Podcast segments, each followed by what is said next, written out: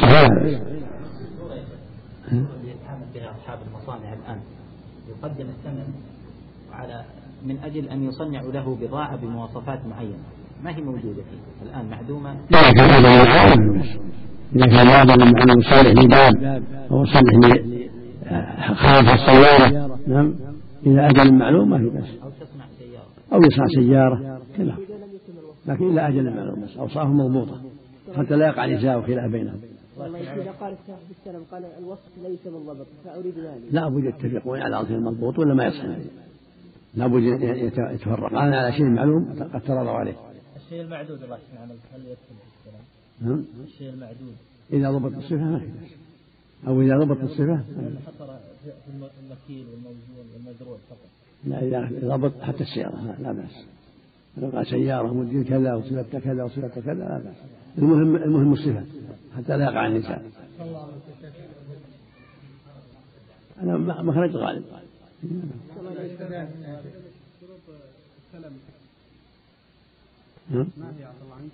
مثل ما سمعت كل شيء معلوم. الشروط الأخرى في محلها لكن إذا صار إذا أسلم في شيء معلوم إلى أجل معلوم فلا بأس. هذا في الذمة. مما يعني يوجد غالبا. قول بعض الفقهاء ان العقار لا يصح السلف فيه لأنه لا يضبط الوقت. هل هو سليم؟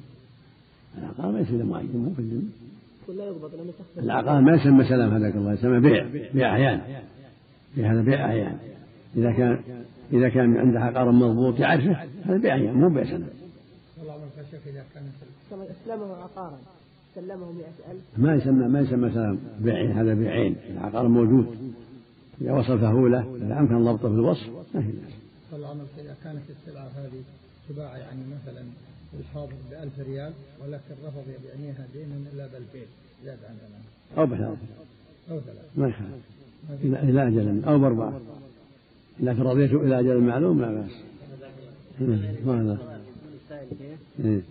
كلمة الدين الذي التي وردت في القرآن يعني الدين السلف الحسنة أو الدين المشهور آه، يأخذ زيادة حسب المدة. الدين عام. يعني السلم وغير السلم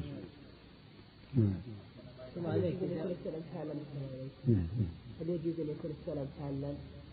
ما يكون سلم إلا مؤجل. ما يسمى حالا ما سلم إلا مؤجل.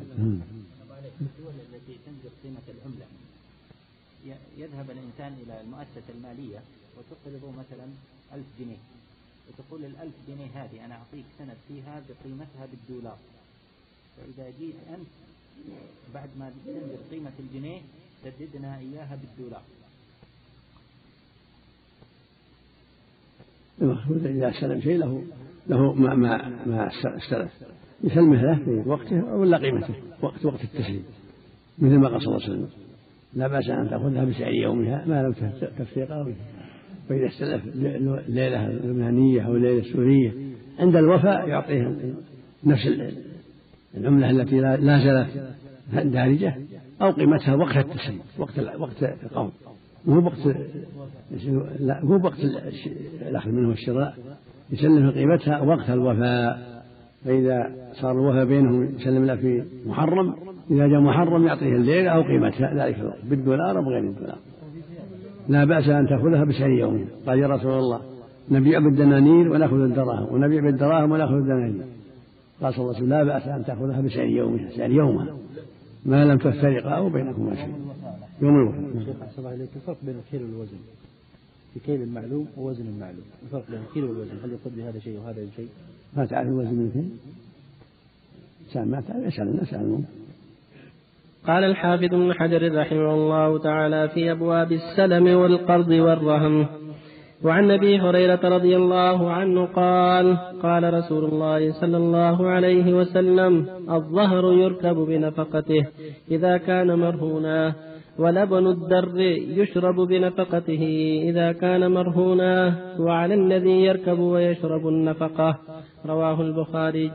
وعنه رضي الله عنه قال قال رسول الله صلى الله عليه وسلم لا يغلق, لا يغلق الرهن لا يغلق الرهن من صاحبه الذي رهنه. له غنم له غنمه وعليه غرمه وعليه غرمه.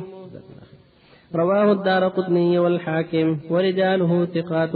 إلا أن المحفوظ, إلا أن المحفوظ عند أبي داود وغيره إرساله. وعن أبي رافع رضي الله عنه أن النبي صلى الله عليه وسلم استستف من رجل بكرا. فقدمت عليه ابل من ابل الصدقة فأمر أبا رافع أن يقضي الرجل بكرة فقال لا أجد إلا خيارا رباعيا فقال أعطه إياه فإن خيار الناس أحسنهم قضاء. رواه مسلم. وعن علي رضي الله عنه قال قال رسول الله صلى الله عليه وسلم كل قرض جر منفعة فهو ربا.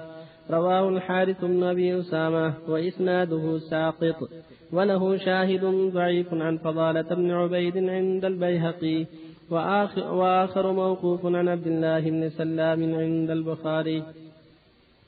وآخر موقوف عن عبد الله بن سلام عند البخاري. جزاكم الله وعلى آله وأصحابه ومن اهتدى بهدى أما بعد هذه الأحاديث الأربعة كلها تتعلق بالرهن والقرض. الأول يتعلق بالرهن. يقول النبي صلى الله عليه وسلم الرهن يركب بنفقته إذا كان مرهونا ولبن الذي يشرب بنفقته إذا كان مرهونا وعلى الذي يركب ويشرب النفقة. إذا كان الإنسان رهن ناقة أو بقرة أو شاة فالذي يركب هذه الدابة عليه النفقة.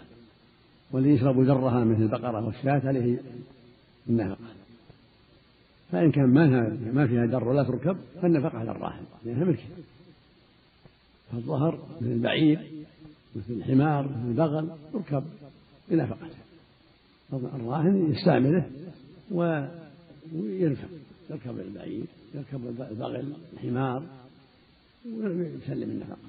ولا يصطلح ويا صاحبه على أن صاحبه يسلم النفقة. والبعير لا يركب ولا يستعمل. وهكذا ما أشبه. وإذا كان في الناقة لبن أو البقرة أو الشاة مرهونة ينفق عليها ويشرب اللبن في مقابل النفقة ولا يكلف مالك بشيء لأن القاعدة أن الرهن مقبوض عند عند الراهن. وإذا كان مقبوض عنده كونه طالب الراهن من النفقة في صعوبة فإذا كان يركبها بمقدار النفقة. لا يتعبها يركبها ركوبا الناس بالنفقة. وهكذا درها لبنها يستعمله ويستفيد منه ويقابل ذلك بالنفقة. فلا بأس بذلك. وإن اصطلحوا على خلاف ذلك فالحال حاله. إذا اصطلح الراهن والمرتهن على أن الراهن يعطيه النفقة أو أن المرتهن يسلم النفقة أو غير ذلك يصطلحوا فالحال حالهم. وما اصطلحوا عليه مما لا يخالف الشرع فلا بأس. والرهن لا يغلق من من صاحبه. له غنمه وعليه غنمه معنى يغلق يعني ما يمضي عليه يذهب من يده بدون اختياره. يقول له الراهن أنا باخذ عن حقي لا ما يغلق. إذا كان ما أعطى حقه باع الراهن يعني قد يكون قد يسوى أكثر من المال.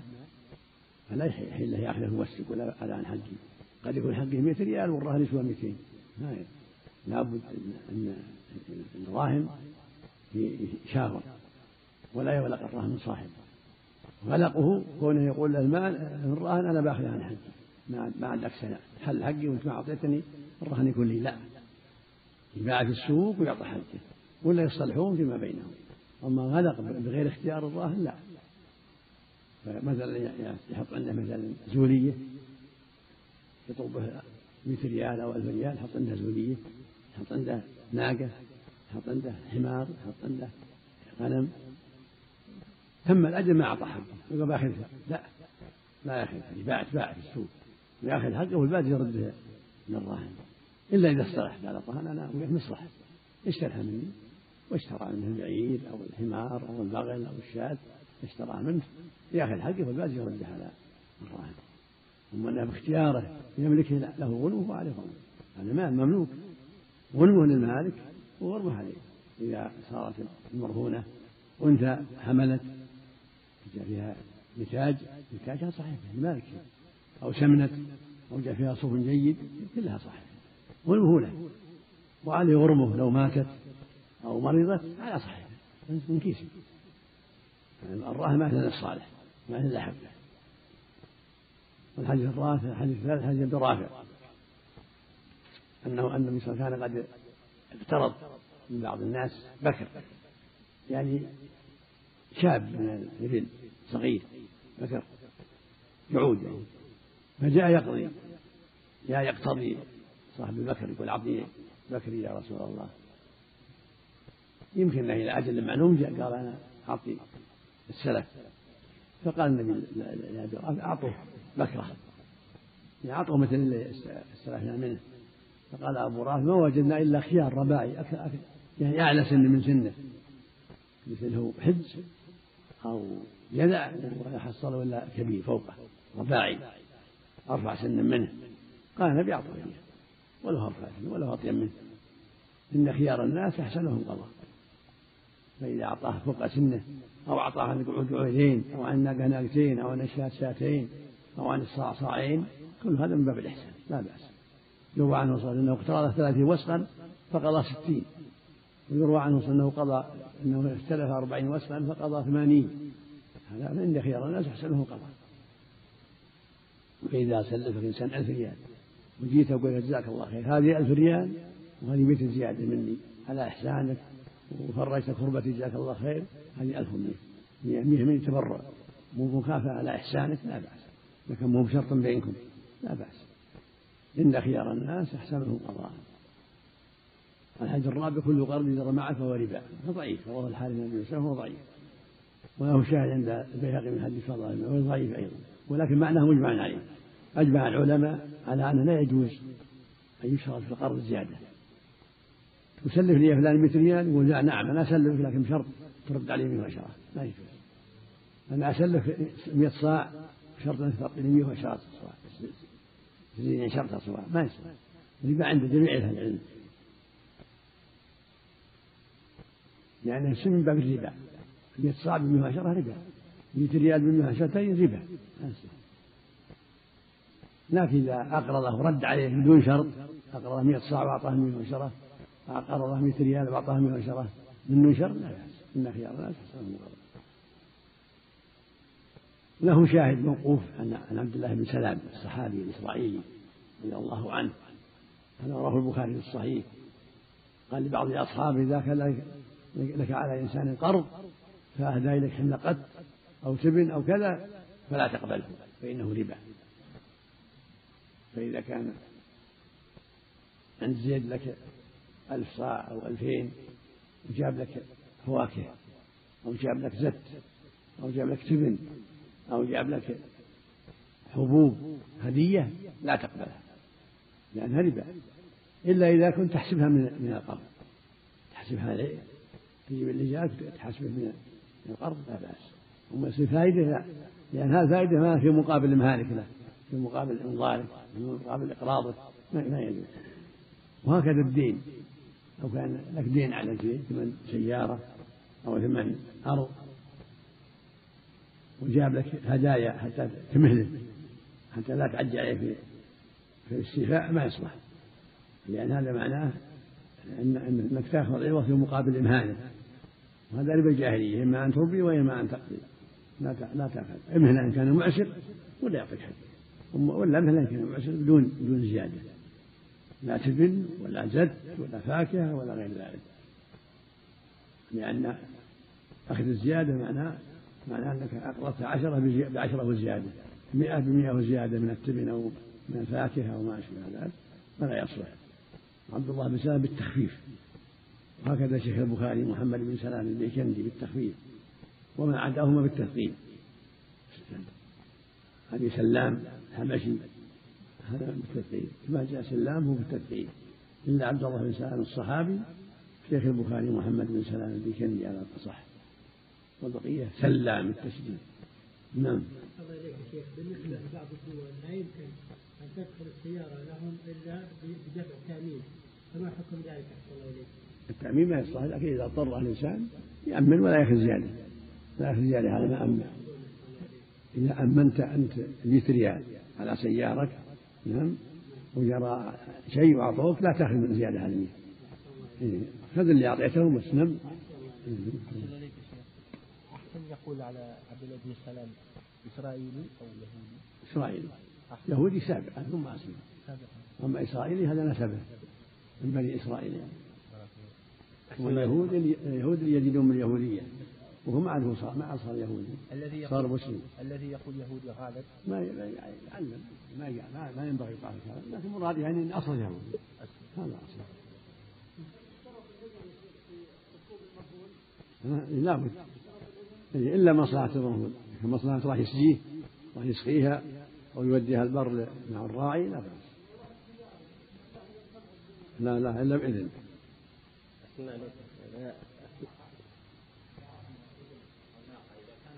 أكثر من قيمة اللبن إذا اصطلحوا فلا بأس ولا يتحاسبون وإن اصطلحوا لا بأس.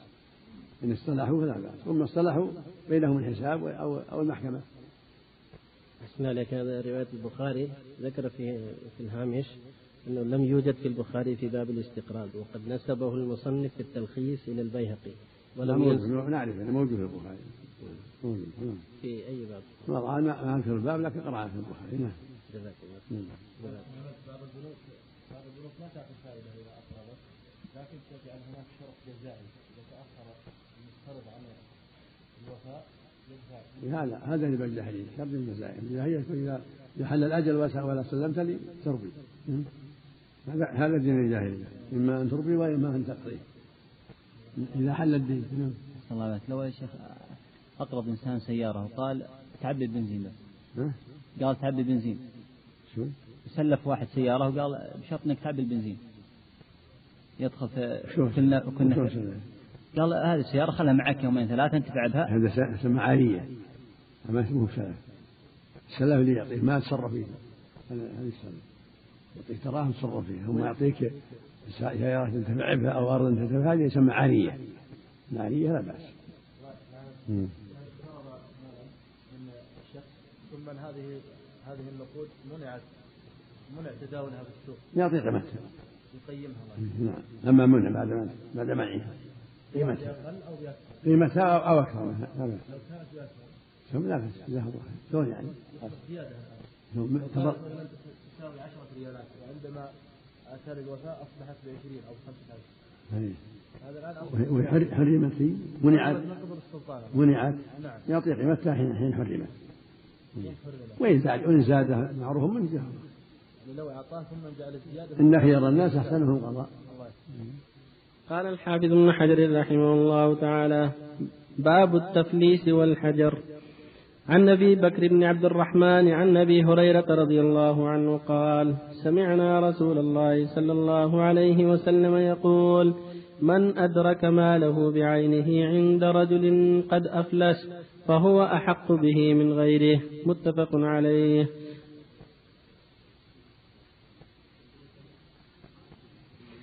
عن أبي بكر بن عبد الرحمن عن أبي هريرة رضي الله عنه قال سمعنا رسول الله صلى الله عليه وسلم يقول من ندرك ماله بعينه عند رجل قد أفلس فهو أحق به من غيره متفق عليه.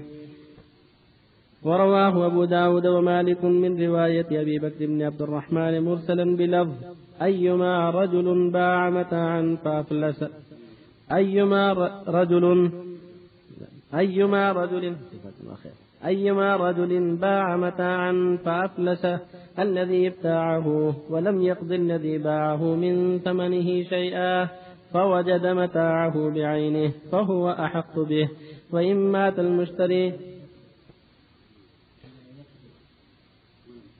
ولم يقض الذي باعه من ثمنه من ثمنه شيئا فوجد متاعه بعينه فهو أحق به. وإن مات المشتري فصاحب المتاع أسوة, أسوة الغرماء ووصله البيقي وضعفه تبعا لأبي داود. ورواه أبو داود وابن ماجه من رواية من رواية عمر بن من رواية عمر بن خلدة قال أتينا أبا هريرة رضي الله عنه في صاحب لنا قد أفلس فقال لأقضين فيكم بقضاء رسول الله صلى الله عليه وسلم. من نفلس أو مات من نفلس أو مات فوجد رجل متاعه بعينه فهو أحق به. وصححه الحاكم وضعفه أبو داود وضعف أيضا هذه الزيادة في ذكر الموت. وعن عمرو بن الشريد عن أبيه رضي الله عنه قال قال رسول الله صلى الله عليه وسلم